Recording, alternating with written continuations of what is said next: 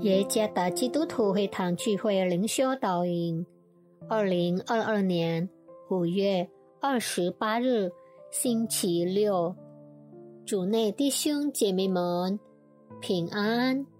今天的灵修导引，我们会借着圣经罗马书第八章第五到第六节来思想今天的主题。敏锐于为罪而悲伤。作者朱思杰传道。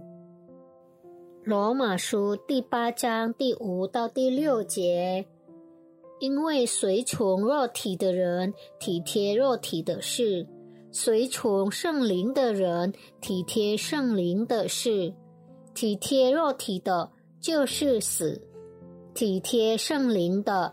乃是生命平安。你最近一次为你所犯的罪而悲伤是什么时候？你最近一次因为犯罪而哭泣，或因为经常犯同样罪的自己感觉厌恶到说不出话来是什么时候？如果很久没有发生过。或者你已经习以为常的犯这样的罪，那么你的灵性需要特别的帮助。保罗说：“活在生灵里和活在肉体情欲里的人有很大的差别。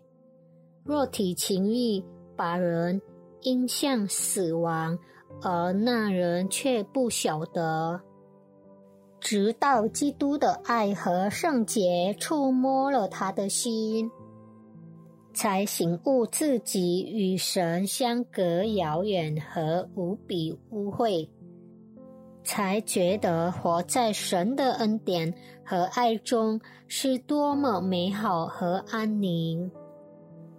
与他还是个未得救的罪人时的平安不一样。已经从死里逃离而进入恩典的人，会敏锐地感受到活在最终和活在恩典中的差别有多大。他不会要再回到从前的错误和从神面前迷失的状态。每个信徒都需要有为罪而悲伤的敏锐感。并非要不断的悲伤且成为一个似乎因得救而没有快乐的人，而是当他重复陷入最终时，他有为此罪而悲伤的敏锐感，且不再重犯。被生灵引导的人，一天比一天恨恶罪恶。也越来越热爱在神的公义里的生活。被圣灵引导的人会敏锐地为他所犯的每一个罪过而悲伤。愿上帝赐福大家。